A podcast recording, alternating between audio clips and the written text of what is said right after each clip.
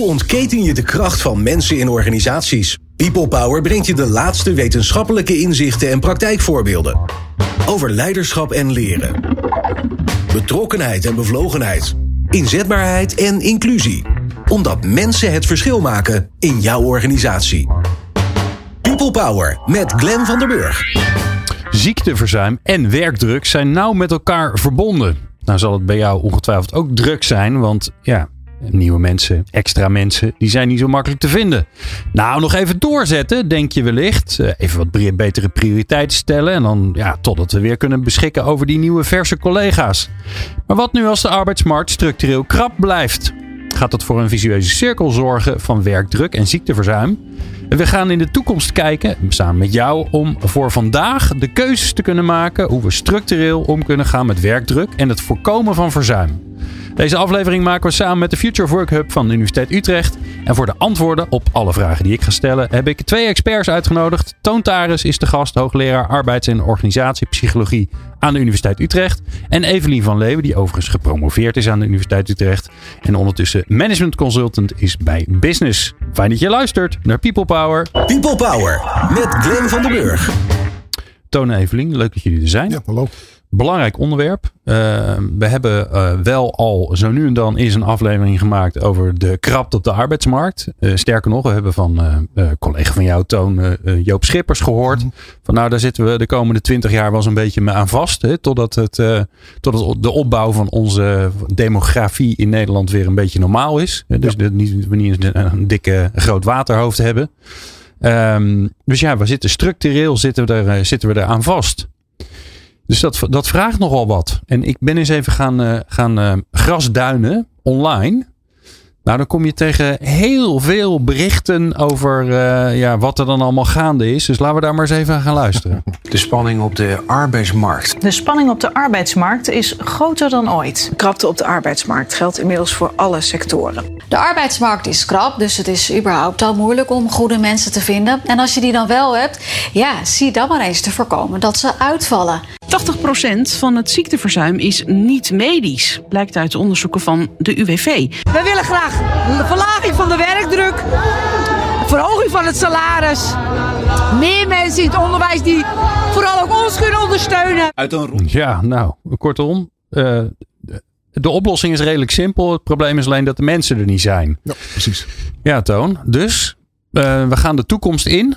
We gaan een beetje vooruitkijken. Stel je voor nou dat we niks zouden doen. Dus we gaan door zoals we nu lekker bezig zijn met z'n allen. Maar we zijn even vergeten dat die, die uh, ja, krapte de arbeidsmarkt structureel is. En we gaan twintig jaar verder.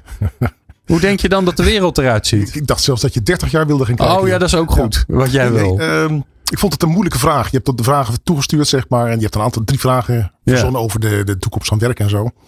En ik dacht van, ik vind ze vaag, ik vind ze moeilijk. Wat moet ik daar nou van vinden? Ja. Uh, want over 30 jaar ben ik 80 zo'n beetje, 90 misschien wel, ben ik er helemaal niet meer. Um, dus ik dacht van, ik vraag het aan een chatrobot. Ah, ChatGPT. Oh, oh, ja. ja, want die heeft alle antwoorden. Ik heb inderdaad die vraag, die vraag van jou voorgelegd. En ik kreeg daar keurige antwoorden uit. Ik dacht van, nou, anderhalve pagina dingen kon ze zo oplossen, bij wijze van spreken. Ja. Ik, dit, ja. Het ligt ja. hier gewoon. Ja, heel goed. Ik ben heel benieuwd. En, ja, nee, ik ga het straks, komt allemaal bij elkaar. En toen dacht ik van, nou, laat ik nog een stapje verder gaan. Ik ben dus blijkbaar overbodig, maar Stel nou dat ik een chat, uh, dat ik een uitzending als deze zou moeten vol praten, zeg maar. Dus ik heb een vraag gesteld van, stel nou dat ik een, een, een ja, een radioverhaal zou moeten volpraten. Wat zouden dan leuke vragen zijn? Oh. Als het moet gaan over ziekteverzuimkracht. En ik kreeg daar dus tien vragen Ja, uit. dus mijn werk is ook overbodig. Precies, we zijn Dankjewel. allemaal volkomen overbodig geworden. Ja. Ik was daar wel... Uh, erg van onder de indruk in ieder geval. Ik moest er ook erg op lachen. Ik dacht van waar zit dan die meerwaarde? Ik weet dat die precies, misschien in de toepassing en zo, want dat zijn allemaal hele vage dingen en zo. Misschien ook wat in de, in de meer detailachtige toestand. Daar kan ik nog iets mee. Maar artificial intelligence gaat er een heleboel doen. De eerste komende paar jaar. Oké. Okay. Wat zei Dat die chat? Wat zeg je? Wat zeiden ze in die chat? Uh, een chatrobot. Dat ja, is, uh, ja, de chat Nee, maar wat zeiden ze? Wat, wat, is, wat kwam eruit? Ja, jouw anderhalf uur. Niet dat je het voor hoeft te lezen, maar een zo beetje grofweg. Het is moeilijk om te zeggen wat er gaat gebeuren. Oh. Veel factoren, technologische ontwikkeling, demografische ontwikkeling, economische groei. Gaan we het allemaal over hebben zometeen, zometeen natuurlijk. Um, wat zijn de ontwikkelingen die uh, eraan zitten te komen? Groeiende vraag naar digitale vaardigheden, vergrijzing, veranderde werkpatroon, toenemende eisen op de werkplek, verhoogde werkdruk, stress komt eraan. Oh. En dat is ook wel zo, denk ik. Meer aandacht voor mentale gezondheid, flexibele werkarrangementen, work-life balance. Aandacht voor mentale gezondheid, flexibele werkargumenten. Dat moeten werkgevers doen. Preventieve maatregelen op de werkplek. Aandacht voor opleiding en ontwikkeling. En inzet voor diversiteit en inclusiviteit. Nou, dit- Nou, jongens, ja, het is een beetje de samenvatting klaar. van alles wat ik dit- altijd dit in deze programma's doe. dus, ja, klaar. Nou, op, op, je kunt dus tegelijkertijd zeggen van jongens, dit soort ontwikkeling gaat dus die problemen op die arbeidsmarkt wegnemen in potentie. Want dit soort werk hoeft niet meer gedaan te worden, zou Ja. je kunnen zeggen. Ja. Ehm, Vraagteken. het is een vraagteken. We Ja, staan hier en eh, je kan wel bedenken van nou de inhoud is er in principe al. Want ja, alles, dit was allemaal stond op internet. Alleen er is nu een makkelijke interface om het te groeperen en te presenteren, zeg maar. Ja. Ehm, tegelijkertijd zal er ongetwijfeld eh, ja, werk voor ons blijven, schat ik zo. Als je kijkt, als je kijkt naar de afgelopen nou, zoveel honderd jaar, zeg maar. Technologische ontwikkeling is altijd een enorme driver geweest voor veranderingen van werk. Er is altijd sprake geweest van werk dat niet meer gedaan hoeft te worden. Eh, er zijn geen stadsomroepers meer. Er is niemand meer die de, de, ja, de lantaarnpalen aansteekt. Er zijn geen stenotypistes meer en zo. En toch, al die mensen zijn gewoon nu aan het werken en hebben een zinvol beroep. Want we zijn altijd in staat geweest om iets ja, te verzinnen wat ook nog gedaan zou moeten worden. Wat ons leven nog verder verrijkt. Wat nog voor werk zorgt. Wat voor zingeving zorgt. Ja. Nou, dit is een van de volgende uitdagingen in principe. En onze taak is eigenlijk om ervoor te zorgen dat we daar iets mee kunnen. Dat we daar zinvolle manier mee omgaan. Zonder dat iedereen in paniek schiet. En ja, dan geen werk meer heeft. En ook geen bestaanszekerheid meer heeft. Ja. Ik weet niet of dat het antwoord is op je vraag. Maar Nou ja, kijk, de, de uitdaging die volgens mij een beetje eh, achter of tussen of onder ligt, is natuurlijk dat wij, eh, dat die arbeidsmarkt, daar zat altijd, zat altijd, bijna altijd wel ruimte in om, eh, om op te vangen dat het er, ergens in, de, in onze economie drukker was dan op een andere plek. Alleen als die is er nu zo'n beetje uit. Dus op alle sectoren, overal is er, zijn er te weinig mensen, te weinig gekwalificeerde mensen. Ehm, dus gaat de, mijn simpele re- eh, reactie is dan. Dus moet het werk met minder mensen gedaan worden. Dus gaat de werkdruk omhoog. En als je dan de boel niet goed georganiseerd hebt. Dan worden mensen daar ziek van. ja, dat klinkt heel logisch. Toch? Ja, ja. Eh, m- mijn, mijn vraag is. Stel je voor dat we dus doorgaan zoals we nu gewend zijn om te werken met z'n allen. En we doen dat nog gezellige 20, 30 jaar. We hebben dan heel veel zieke mensen. Als wij doorgaan zoals we nu doorgaan, dan is het heel simpel. eh, Dan houdt het binnenkort op. Dit gaat hem dus niet worden. Oké. Ik bedoel, als je kijkt naar demografische ontwikkeling, het is een soort paddenstoelwolk. Hè? We zitten nu midden in de, die, het brede punt van die wolk, zeg maar. En daaronder zit een soort smalle steel. En dat zijn onze jonge mensen. Dat zijn onze jonge mensen Ja. die, die jou en mij en jou eh, moeten gaan verzorgen en zo. En Evelien, die staat hier. Eh, Ja, jij bent nog eh, 30 jaar de Sjaak volgens mij. Ja, ik ben over 30 jaar nog aan het werk. dus Daarom. ja. Ehm, het, het wordt pas weer enigszins in balans, zou je kunnen zeggen, qua aanbod en vraag naar arbeid. Als je kijkt zoals het nu is, over een jaar of 20, 25. Nou, dat is nog een hele lange periode dat je geen, geen loodgieters kunt gaan vinden en zo. Hè? Dat, dat gaat gewoon maar door, wat dat betreft. Dus we zullen iets moeten doen daaraan. Nou, als je werkdruk wilt eh, terugbrengen, zijn er eigenlijk altijd drie oplossingen. Je kan proberen meer handen aan het bed te krijgen, dus meer mensen aan te nemen. Ja. Je zou zeggen, dat is een probleem. Maar ja, je kan ook natuurlijk kijken naar het feit dat wij eh, als deeltijdland, eh, iedereen hier in Nederland werkt zo'n beetje in deeltijd. In ieder geval alle vrouwen zo'n beetje. We zijn kampioen deeltijdwerken van Europa. Daar zou je iets aan kunnen doen natuurlijk, op de een of andere manier. Je zou ervoor kunnen zorgen dat iedereen die aan de kant staat, er zijn 400.000 mensen die, van daar, ja, die nog niet inzetbaar of niet ingezet worden, daar zou je iets aan kunnen doen. Misschien kunnen die mensen wel zinvolle dingen doen. Nou, op die manier kan je proberen het arbeidsaanbod te vergroten. Dan heb je zomaar meer arbeidsuren en kan je misschien wat meer doen. Oké, tweede oplossing ehm, is ervoor te zorgen dat je eh, minder werk hebt. Moet je misschien prioriteiten gaan stellen. Moet je alles wat we nu gaan doen, aan het doen zijn, moet je dat blijven volhouden. Ja. Kijk in Nederland rond, dan kijk je uit het raam, mooi uitzicht, perfecte weg zou je kunnen zeggen. Ik kom wel eens in België en Duitsland, is daar een puinhoop wat dat betreft. Dat hoeven we niet te doen. Dus we kunnen daar best concessies doen. Dat kan ook minder werk worden. En dat kan je op heel veel gebieden gaan je, kan je dat bedenken allemaal. Ja, en er is best wel veel werk waarvan je denkt, ja, Is dat heb ik nou een koerier nodig die mij een blikje bier komt brengen? Dus s'nachts om drie uur s'nachts. Het is wel heel handig hoor. Als je, eh, Als je ja, dorst hebt. als je met de mannen thuis zit en je kan voor drie euro een paar pizza's laten komen. Ja. Zoals ik eh, zaterdag. Niks te doen. Lekker. Dus jij houdt die markt in stand. Ja. Ja. Iemand moet het doen hè. Conclusie, het Dus- komt allemaal door toon. Ja. En, ze- en de mannen thuis. Ja. Moeder was op stap. Hey, ehm, en de Ja. derde oplossing is in feite van het werk dat er is. Misschien kan je dat slimmer doen. Kan je ja, in ieder geval die automatisering, robotisering gaan toepassen. Eh, moet je alle vervelende procedures, controlemogelijkheden, bureaucratie, moet je dat in stand houden op de een of andere manier? Of kan je proberen die, Hm. wat je doet, die doelen te bereiken, zeg maar, maar op een, op een handiger manier? Nou, dat, dat zijn in feite drie smaken die je hebt. Ja. Minder werk, meer mensen, slimmer werken. Nou, dan gaan we Evelien eens even laten, over laten dromen. Evelien, jij mag even 20, 25, 30 jaar in de toekomst. Zeg maar het moment dat de arbeidsmarkt weer een beetje in balans gaat komen. Stel je voor dat we, we hebben dit allemaal gedaan. Dus we, we hebben geluisterd naar de wetenschap, naar wat we allemaal weten over slimme werken, over het werk beter verdelen, over mensen die nu langs de kant staan uh, uh, inzetten of wat meer laten werken als ze daar zin in hebben. Hoe ziet het er dan uit over 30 jaar? Jouw droombeeld. Ja, als Hoe de balans werken we dus dan? is hersteld, daar gaan we dan vanuit. Dat ja, nou ja, we hebben, we, hebben, we hebben geluisterd naar alle kennis die er is. En we zijn ongelooflijk daarmee aan de slag eh, gegaan. En eh, het is één grote eh walhalla geworden. Het werkend walhalla in Nederland. Ja. Het is gelukt. Ja, ik denk sowieso dat organisaties worden in deze periode ook gedwongen om zichzelf slimmer te organiseren, willen ze hun bestaansrecht blijven behouden.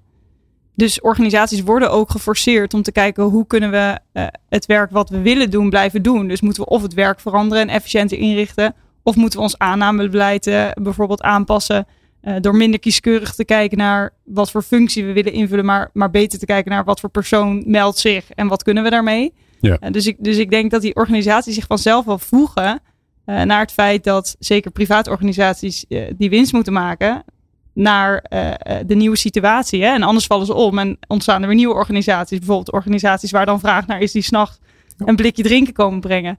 Uh, dus, dus ik denk sowieso dat het werk verandert. Het type werk door automatisering, digitalisering, uh, Ja. dat soort ontwikkelingen. Dus maar denk- droom eens met me mee. Wat, wat doen we? Oké, het is gelukt. Weet Ja, je, je voor- hoeft niet meer te bedenken dat we het gaan doen. Het is gewoon gelukt. Supergoed. Ja. Wat, eh, hoe, zien werker, hoe zien, ziet de werkende mens eruit? Hoe ziet zijn dag eruit? Of haar dag eruit? Uh, hoe ziet de organisatie eruit? Hoe voelt het daar? Nou, ik denk dat we meer gaan accepteren dat, dat dus een deel van ons werk wordt overgenomen door automatisering. Dus ik vind het heel mooi dat, dat Toon al in de chat robot heeft gekeken. De volgende keer dat ik zoiets heb, ga ik dat denk ik eerst doen. Want dat bespaart me echt veel voorbereidingstijd. Dus Ja. het kan al. Weten dat er mogelijkheden zijn is één. Maar ook accepteren dat je daar dus nuttig gebruik van kan maken is denk ik een tweede. En die, Kan je nagaan over 20, 25 jaar, hè? ja, dan, ik denk dat je werk dus anders is geworden. Ja. Ja. Ik denk, ik denk dat ik nog steeds aan het werk Wat ben in een hoop je? bepaalde Wat rol. hoop je dat er weg is? Dat doen we. Dat, dat, dat is er dan helemaal niet meer. Ja, dat de- doen we niet meer. De notaris. Die, die- Dat is de eerste waar je aan dacht. Die is duur. Ja. Nou, ik denk, is weg. dat vind ik een beroep waarvan ik denk, ja, waarom is dat er nog? Hè, waarom moet je fysiek ergens je handtekening komen zetten? Ja. Terwijl er toch ook hele slimme systemen volgens mij bestaan om, om dingen heel... ehm, Oké, notaris. dus helaas. dat is in mijn hoofd een beroep wat Ja, die volgens kunnen mij allemaal verdwijnt. ander werk gaan doen. Ja, Ja, dat denk ik. oké. Wat hoop ik nog Wordt, meer? het, wordt het leuker, Evelien? Oké, Oh, dat vind ik een mooie vraag. Nu, dat ligt er denk ik aan aan wie het vraagt. ik vraag het aan jou. Ja, ik denk, ik denk dat ik wel op dit moment in ieder geval flexibel genoeg ben om mijn werk eventueel aan te passen. En ik denk dat op het moment dat, de, dat die eigenlijk de techniek dingen van mij overneemt, dat ik me juist meer kan focussen op dingen die ik heel erg leuk vind. Namelijk nog echt het nadenkwerk, het maatwerk, eh, eh, het stukje waar menselijke intelligentie volgens mij voor nodig blijft. Ja. Dus ik geloof wel dat het leuk vorm te geven is. Ja, Ja, dus je zou kunnen zeggen van je, je, je kunt je focussen op leuke dingen. En al die beroepen die, die eigenlijk domme dingen doen. Al die taken die dom zijn en vervelend zijn. Zoals die notaris bijvoorbeeld. Dat mag allemaal weg. Dat is overgenomen door de techniek. Door de kunstmatige intelligentie bijvoorbeeld. Nou, en ik denk dat een deel van de taken anders worden. hè. Dus ik moest bijvoorbeeld denken aan het voorbeeld van de zelfscan bij de supermarkt. Volgens mij was dat er vijf jaar geleden nog niet. Tien jaar. Ja. Oké, tien jaar. Nou goed, inmiddels is die zelfscan doodnormaal en veel mensen eh, gaan daar langs. Maar wat doen de mensen die vroeger aan de kassa zaten? Nou, een deel zit nog steeds aan de kassa, hè, voor, voor de mensen die wel daar graag hun boodschap op de band leggen. En een deel die controleert nu eh, of je eh, wel hebt betaald. Ja. Hè? En dan hebben ze allerlei algoritmes. Dat als je sushi en Red Bull in je, in je mandje hebt, dan komen ze vaker bij jou langs dan als je een bananen koopt. En zo hebben ze dat heel slim gemaakt, zodat je minder mensen nodig hebt om dat Ja. eigenlijk steekproefgewijs te kunnen controleren. Dus die, ik denk een groot deel van, van de mensen in die sector werkt ook nog steeds binnen de supermarkt. Maar ja, heeft ander werk gekregen. En vind je dat leuk of niet? Ja, ik denk dat dat heel, heel erg verschilt tussen personen. Maar ik denk wel dat, dat er juist ruimte zit om het weer zo vorm te geven dat je het leuk kan maken voor jezelf.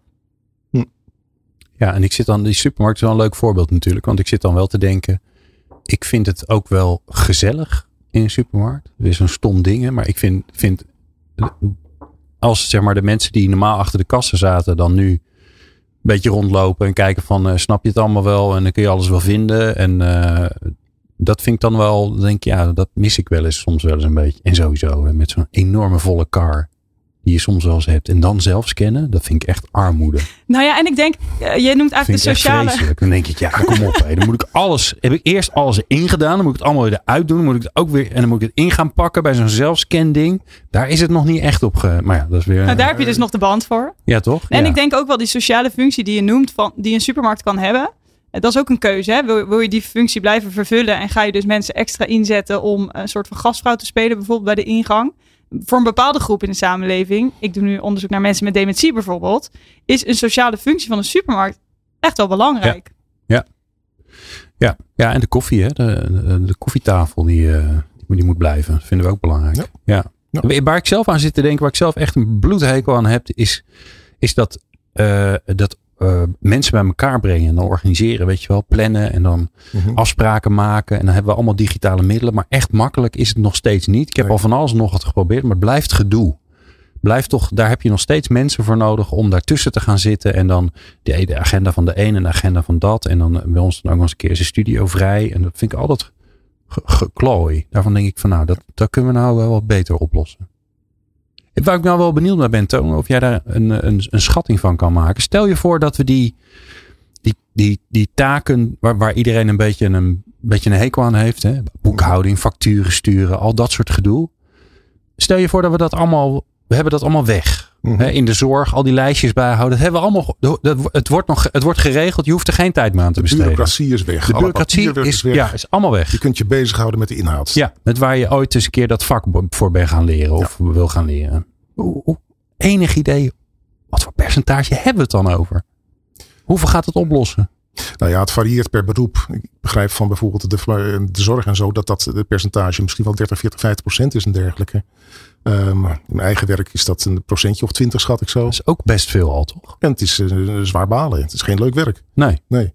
Ehm, ik durf dat niet te zeggen. Zoals gezegd, het, het maakt een beetje, het varieert per beroep, denk Maar ik. als het 10% is, dan hebben we gelijk het hele tekort op de arbeidsmarkt hebben we geregeld, volgens mij, toch? Je zou een heel eind komen, ja. Het, Ja. het verhaal is wel eens van als je iedereen in de zorg een uur langer laat werken, dan heeft het probleem in de zorg opgelost. Ja. Nou ja, een uur per week besteden mensen echt wel in de zorg aan, aan de bureaucratie. Dus in die zin, ja, je zou zomaar een, eh, nou ja, wat ik zeg, een eind kunnen komen, ja. En, en als we nou naar dat slimmer werken kijken, hè, want daarvan zeggen we ook dat de slimmer werken, eh, eh, werkdruk is, heb ik ooit geleerd, eigenlijk niet per se een probleem. Als je er maar op een slimme manier mee om kan gaan. Dus veel werk is, daar word je niet ziek van, maar alles wat erbij komt kijken. Dus wat is er dan nodig om met die druk die we nogal een tijdje blijven voelen, om daarmee om te gaan?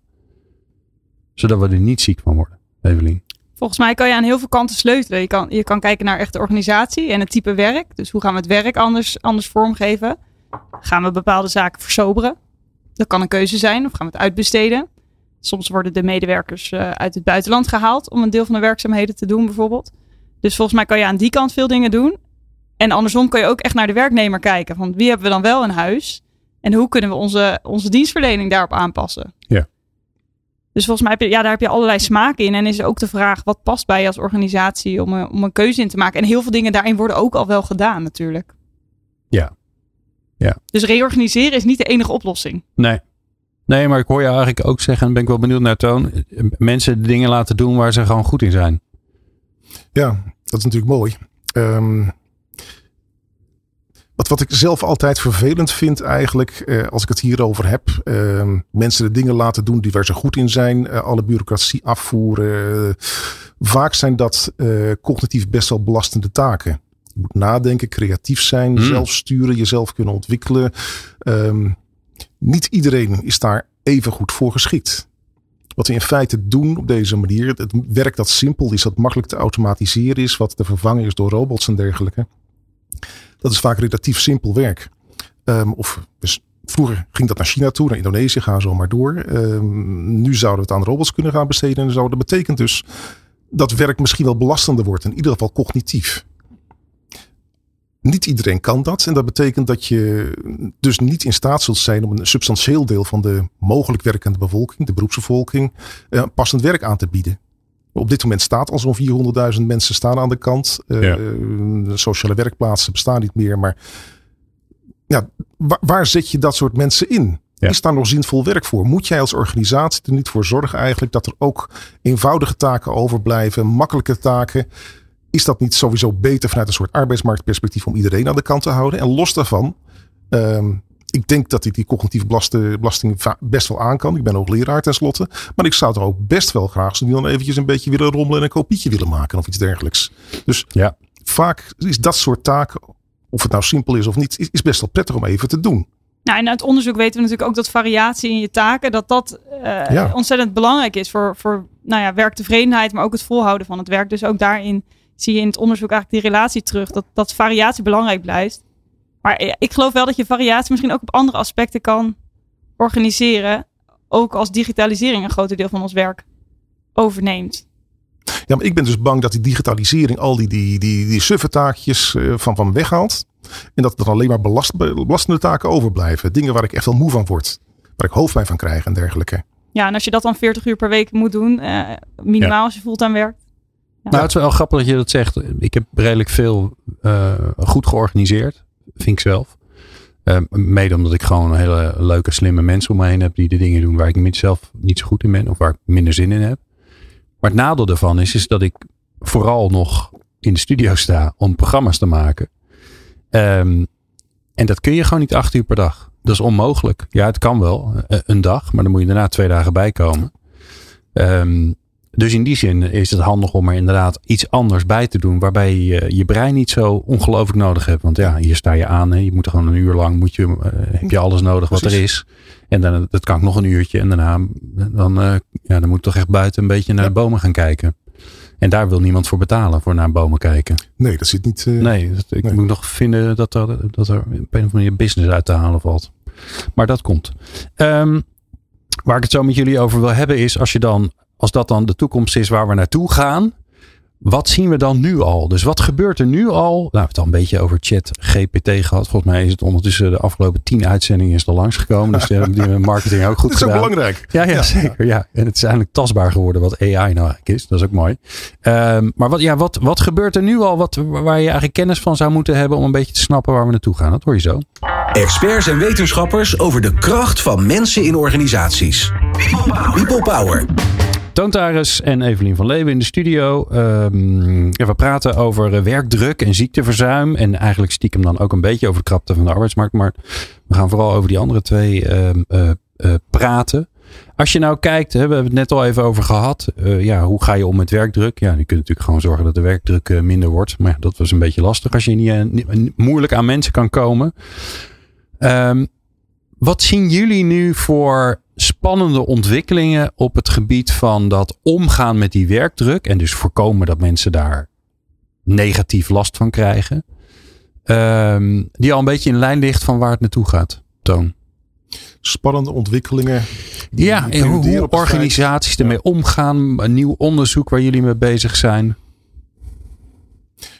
Ja, ik vind dat een hele lastige vraag ook. We zitten volgens taak, mij. Ja, die- vraag mijn taak is een goede antwoorden te Daarom. geven. Maar eh, mm, zonder ChatGPT. eh, Ja, is lastig hè? probleem. Ja. Zelf doen. Je hebt geen computer hier staan.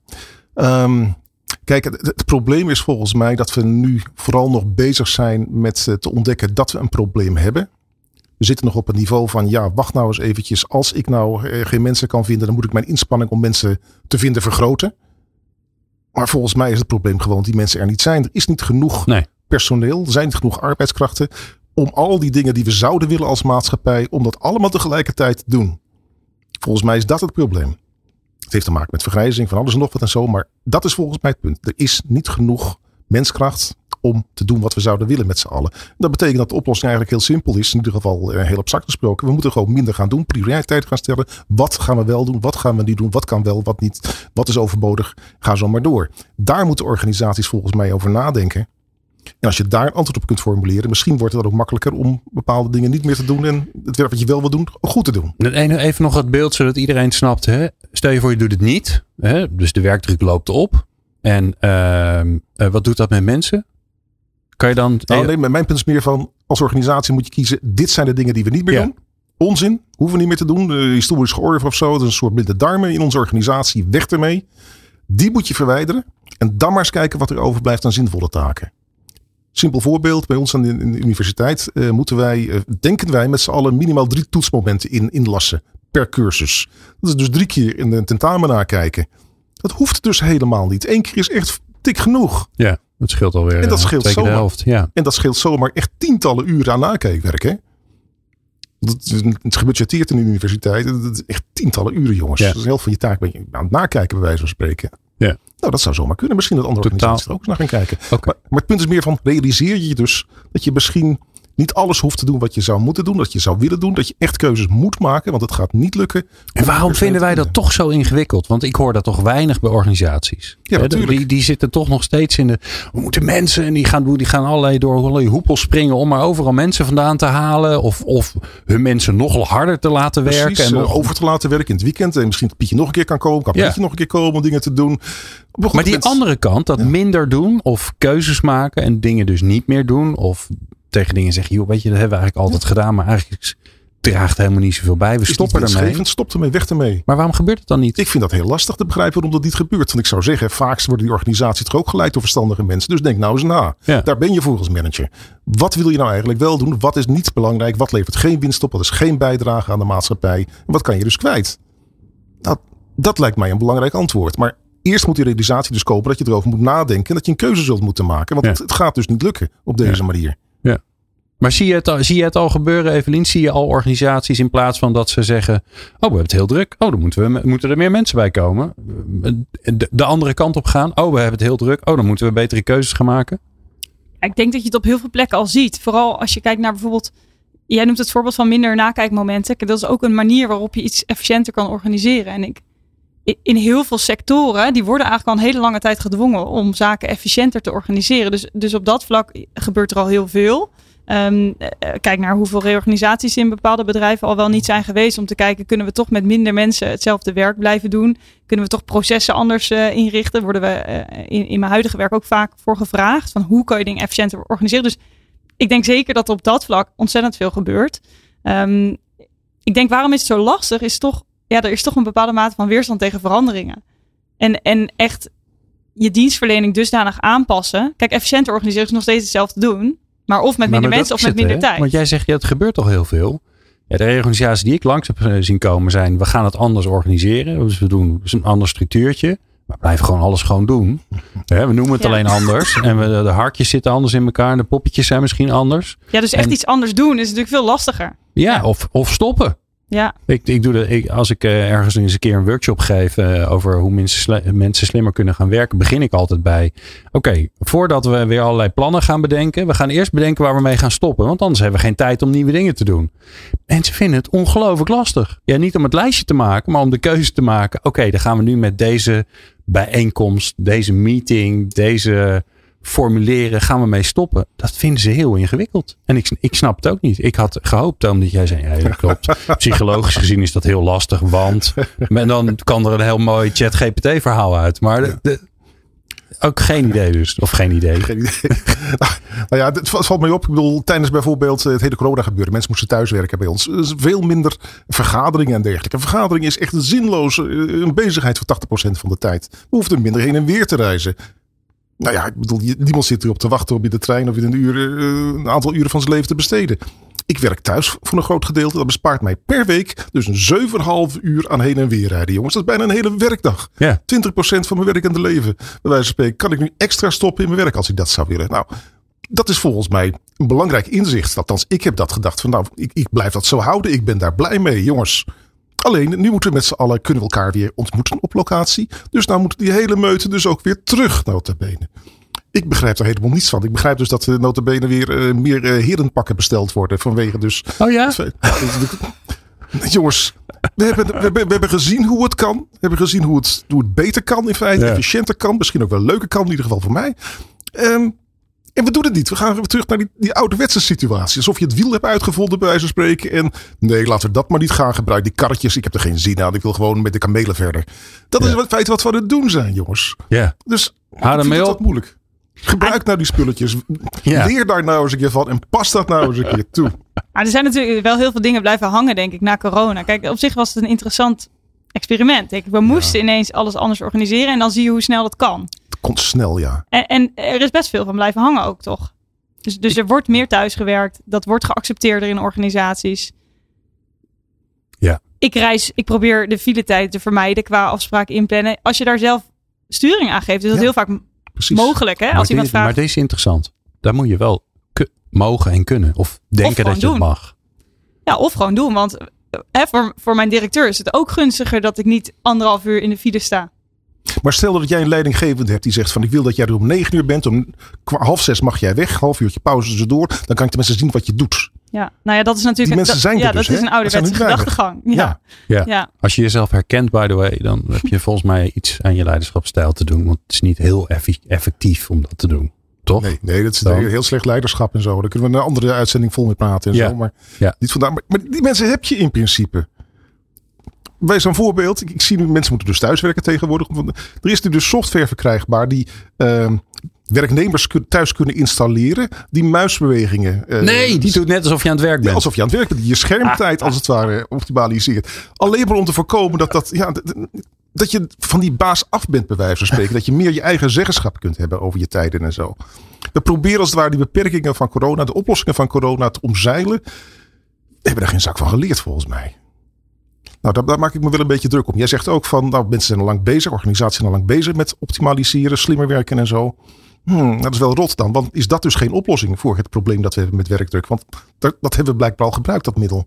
Oh, maar mijn vriend heeft nog heel veel opdrachten om, om nog veel efficiënter en te worden. 30, Dus volgens 40 mij om, eh, ja, hoeven ze daar niet zoveel zorgen over te maken. Maar, ehm, Maar toch.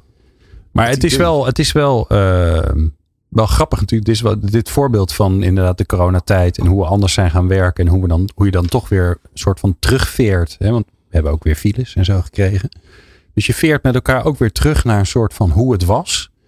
Ehm, welke rol speelde de leid- leidinggevende daar dan in? In toch weer vasthouden aan.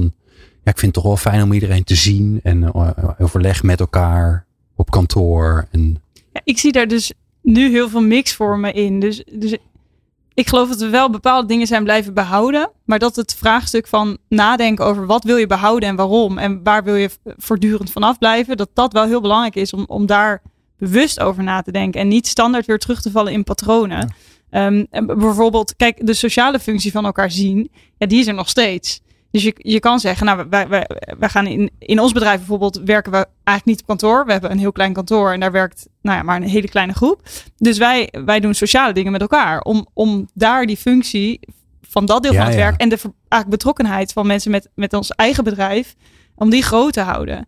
Ehm, tegelijkertijd werken we heel vaak niet gezamenlijk op een locatie. Hè? En, en hetzelfde geldt voor teamsoverleg. Ik, ik zie heel veel organisaties waarbij ze er bewust voor kiezen om bepaalde meetings online te doen. Bijvoorbeeld die om negen uur en om vijf uur om- om mensen te laten voorkomen dat ze in de file staan. Nou, zo kan je natuurlijk heel veel dingen bedenken.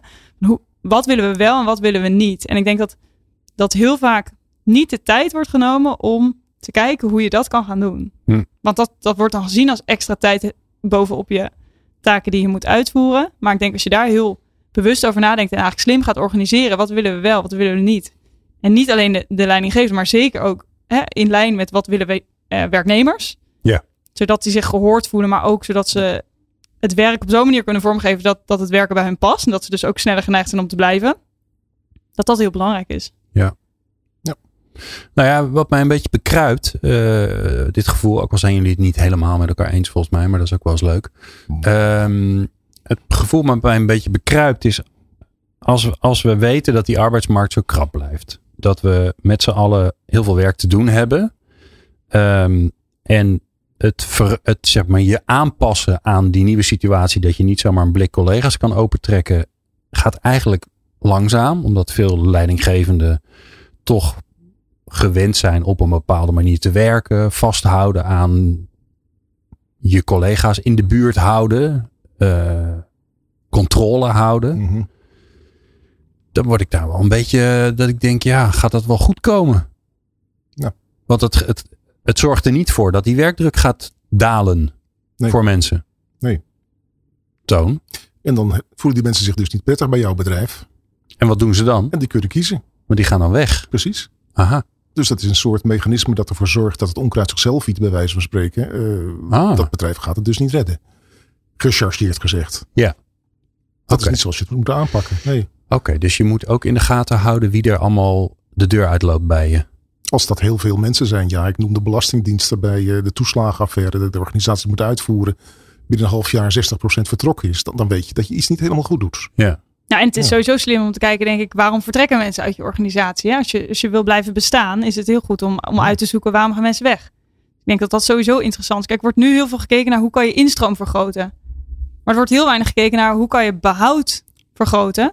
En wat zijn manieren om dat te doen. Daar ging mijn proefschrift onder andere over. Maar ook naar die uitstroom kijken is interessant. Want waarom gaan mensen weg en hoe kunnen we dat voorkomen? En ook al denk je dan, ze zijn weg, dus eigenlijk ben ik te laat. Dan valt er veel van te leren wat je eigenlijk had moeten doen. Ja, de kans dat ze daarna weer zeggen, ik kom toch terug, is denk ik niet heel groot. Maar Ah. Eh, je wil denk ik wel voorkomen dat ze negatieve verhalen over je organisatie gaan verspreiden bijvoorbeeld. Dus, dus die functie kan het hebben. En het kan je inderdaad helpen om te begrijpen van wat voor processen kunnen we wellicht in investeren. Of moeten we in ieder geval aandacht aan besteden bij onze huidige werknemers. Dus ik denk dat het heel veel functies eh, kan dienen. Ik wil het laatste blokje met jullie ehm, eh, besteden aan ehm, wat, wat kun je nou doen als organisatie, concreet, om ervoor te zorgen dat mensen kunnen omgaan met die werkdruk. En, helemaal aansluitend bij jouw proefschrift, wat je kunt doen dat ze vooral blijven. Want iedereen die weggaat zorgt dat de werkdruk alleen nog maar meer omhoog gaat. En dat hoor je zo. Hoe ontketen je de kracht van mensen in organisaties? People Power. Ares, hoogleraar arbeids- en organisatiepsychologie aan de Universiteit Utrecht. En Evelien van Leeuwen, management consultant bij Business. Ehm, die zijn te gast. Ehm, Oké, we gaan naar die werkdruk. Die is er, die zal er ook wel een tijdje blijven. Blikken mensen kunnen we niet meer opentrekken. Dus die werkdruk die is er. Wat kun je nou in je organisatie doen zodat de mensen die die werkdruk ervaren daar beter mee om kunnen gaan? En zeg ik daar maar gelijk bij, want ik denk dat die een beetje bij elkaar in de buurt zit, dat ze gezellig bij je willen blijven als organisatie, eh, bij jouw organisatie. Nou, Evelien, of je even de belangrijkste punten uit je proefschrift wil. eh, Of ik dat nog even kan verdedigen. Ja. Nou, verdedigen hoeft niet, want eh, Nou, ik denk een belangrijke nuance voor, voor die werkdruk. Werkdruk is niet alleen maar. Het gaat niet alleen over het aantal uren dat je moet werken.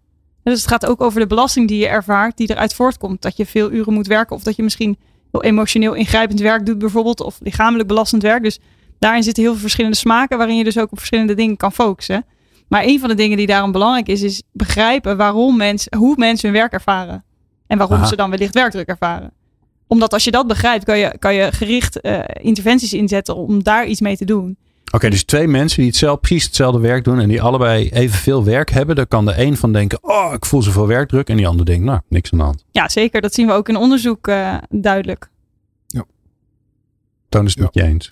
Ja, nee, ik, ik zit na te denken. Jij, jij zegt nu van je moet weten hoe dat werkt. Waar, waar krijgen mensen stress van? Waar komt die werkdruk vandaan? En de volgende stap is natuurlijk van wat zijn dan de dingen die je zou moeten gaan doen? Ehm, kijk, we weten eigenlijk algemeen gesproken prima wat de belangrijke factoren zijn die zorgen voor werkdruk. Dat betekent bijvoorbeeld heel veel te veel te doen hebben. Hoge taakeisen, zeg maar. Gebrek aan sociale steun. Geen leuke mensen op je werk. Mensen die je niet willen helpen. Ehm, niet je eigen dingen mogen doen. Gebrek aan autonomie. Hm. Dat zijn de, in feite de grote drie van de arbeidspsychologie. Daar moet, je, dat, daar moet je op acteren. Dat zijn de zaken die je moet doen. Maar je zei al, dat is algemeen wat we ervan weten. Dus wat je moet doen is bekijken van nou, dat is algemeen zijn dat de belangrijke dingen. Dat zijn dus de dingen die ik in de gaten moet houden als organisatie, als manager. Bij mijn medewerkers zitten die nog lekker in hun vel. En da- En daar moet je gewoon tijd aan besteden. Hè? Je moet gewoon zien, eh, met Pietje, met Mietje, moet je gewoon gaan praten. En bekijken van hoe zit jij met je taken. Is dat nog een beetje te combineren met je thuissituatie? Ehm, vind jij misschien eh, dat je de dingen beter zou kunnen doen? Dat je zelf wat meer zou kunnen beslissen of zou moeten beslissen misschien wel? Is het nog wel gezellig bij jou op het werk of zitten ze hier te pesten? Want dat gebeurt ook regelmatig tenslotte. Maar dat soort zaken moet je dus in de, in de gaten houden. Dat betekent dus dat je systematisch meer aandacht moet gaan besteden aan het welzijn van mensen. Gezondheid, mentale gezondheid van mensen is belangrijk. Daar moet je dus systematisch tijd aan gaan. Dat is jouw taak als manager. Ja, heel concreet in, in Ja. Eh, ons onderzoek wat we hebben uitgevoerd, hebben we gekeken van wat doet het nou als je een HR-instrument aanbiedt aan werknemers. En dat was een instrument gericht op hoe, eh, je, waar, je, hoe je je werk ervaart, wat je doet op het gebied van loopbaanontwikkeling, eh, welzijnsgerelateerde vragen, vrij breed. En op basis van je antwoorden kwam er automatisch een rapport uit met eh, je scores op die verschillende aspecten. En of, of je dus nou ja, daar, daar onvoldoende of, of zeer goed op scoorde. Maar er kwamen ook adviezen mee voor, voor mogelijk te ondernemen acties om bijvoorbeeld meer te doen op het gebied van loopbaanontwikkeling. Hè. Dus dan stond er bijvoorbeeld, ehm, is, het, is het een goed idee om eens met een collega te gaan sparren waarvan jij vindt dat hij een hele gave rol vervult. Om te vragen hoe, hoe die dat voor elkaar heeft gebokst. Nou, heel concreet. Wij hebben getoetst in een studie van wat doet het nou als je een groep die interventie wel aanbiedt en als je een andere groep die helemaal niet aanbiedt. Nou, daar hadden we over nagedacht. Een heel ja, laag intensief eigenlijk instrument, want het kost niet veel geld om het te, te Nee, maken. Eigenlijk hoeft een mens hoeft niks te doen. Nou goed, ja, die heeft dat instrument natuurlijk in, technisch Ja, mogelijk gemaakt. Ja. Maar vervolgens, als je dat eenmaal ontwikkeld hebt, dan, in, dan, dan- ja, dan bied je het aan. Ehm, dus, dus relatief weinig tijd kost het ook om het in te vullen. Want het waren een aantal vragen en vervolgens een paar pagina's eh, aan tekst met wat adviezen die eruit kwamen. Eh, en wij zagen dus in die groep, wij zagen dus verschillen tussen de groep die, die dat niet had gekregen en de groep die dat wel had gekregen. Dus de groep die dat wel had gekregen was significant positiever over de mate waarin ze zelf aangaven bereid te zijn om door te willen werken. Hm. Wat natuurlijk interessant is, want zo'n instrument aan zich, het zat, zat hem ook in lichamelijke, bereid, eh, lichamelijke capaciteit om dat te kunnen blijven doen. Terwijl of jij een rapport leest of niet, Daar word je niet sterker van. Precies. Of, zo, of gezonder. Nee. Nee. Ehm, dus toen hebben we binnen die groep gekeken van, er was een groep die had heel keurig die vragenlijst ingevuld en dat rapport gelezen. En er was er ook een groep en die had het rapport wel gekregen, want dat kregen ze allemaal. Die had het nooit gelezen. Nou, dan verwacht je dat de groep die dat misschien had gelezen, dat je daar dat verschil zag. Maar dat was dus niet het geval. Oh. Dus ongeacht of je dat rapport las, het überhaupt al aanbieden van dit rapport en de aandacht eromheen, zeg ik erbij. Hè? Want die groep kreeg ook, had ook vaker contact met, in dit geval was ik dat, de onderzoeker, eh, over eh, hoe ze dat konden invullen en wat het precies eh, Hm. inhield. Maar ongeacht dus of je het las, is, was dat stukje aandacht, want zo hebben we het verklaard, al de reden waarom zij dus positiever werden over de mate waarin ze wilden blijven werken. Want in dat zou mijn, mijn zeg maar, externe, eh, niet eh, wetenschappelijk geschoolde brein zou zeggen: oké, dus dan is het blijkbaar gewoon de aandacht die mensen krijgen. Dat er al over nagedacht wordt, dat er iets is, eh, ja, dat er iemand is die, die ze begeleidt bij dat invullen van dat ding. Een soort placebo-effect zou je bijna kunnen zeggen. Het is geen placebo, denk ik, want aandacht is volgens mij ook Nee, iets waar je echt tijd in stopt. dat is hè? waar. Ja. Maar eh, mee eens, zeg maar, dus alleen al met het aanbieden bereik je iets. Eh, dus dat is een van de dingen die we hebben gezien. Tegelijkertijd denk ik dat het te kort door de bocht is door te zeggen, nou, we hebben een HR-beleid opgesteld en we zijn er. Want we zien juist ook dat, hè, we hebben dit ook opgesteld samen met de doelgroep in allerlei rondes. Kijk, dat wisten ze allebei. Ja, ja. Eh, Alle, allebei de groep eigenlijk die meededen aan dit onderzoek. Dus eh, dat deel is denk ik zeker ook heel belangrijk. Plus dat we in, in hetzelfde onderwerp ook heel veel verschillen zien tussen, tussen groepen. Dus, dus ook maatwerk ja, is essentieel om, ehm, om uiteindelijk ervoor te zorgen dat mensen aan het werk willen blijven, zien we in dit onderzoek. Dus ja, eh, alleen maar aanbieden, dat, dat is niet genoeg. Maar het is wel interessant dat, dat aandacht geven dus wel eh, een belangrijke functie heeft. Een beetje aan de Hare Krishna's denken, die dan een bloem uitdeelde en hem later weer terug, terugpakte. En dat toch iedereen er blijer van werd, omdat ze iets gekregen hadden. Het is een beetje, het is een beetje een soort sigaar uit eigen doos, maar uiteindelijk word je er wel blijer van. Ja, Ehm Evelien, wat zou je ehm, onze luisteraars, ehm, zeg maar de mensen die verantwoordelijk zijn voor het welzijn van andere mensen, voor de werkdruk die ze voelen, wat zou je ze als simpel advies willen geven? Weten, wetende dat je veel meer weet dan wat je nu kan vertellen. Maar wat, wat is in ieder geval goed om te doen?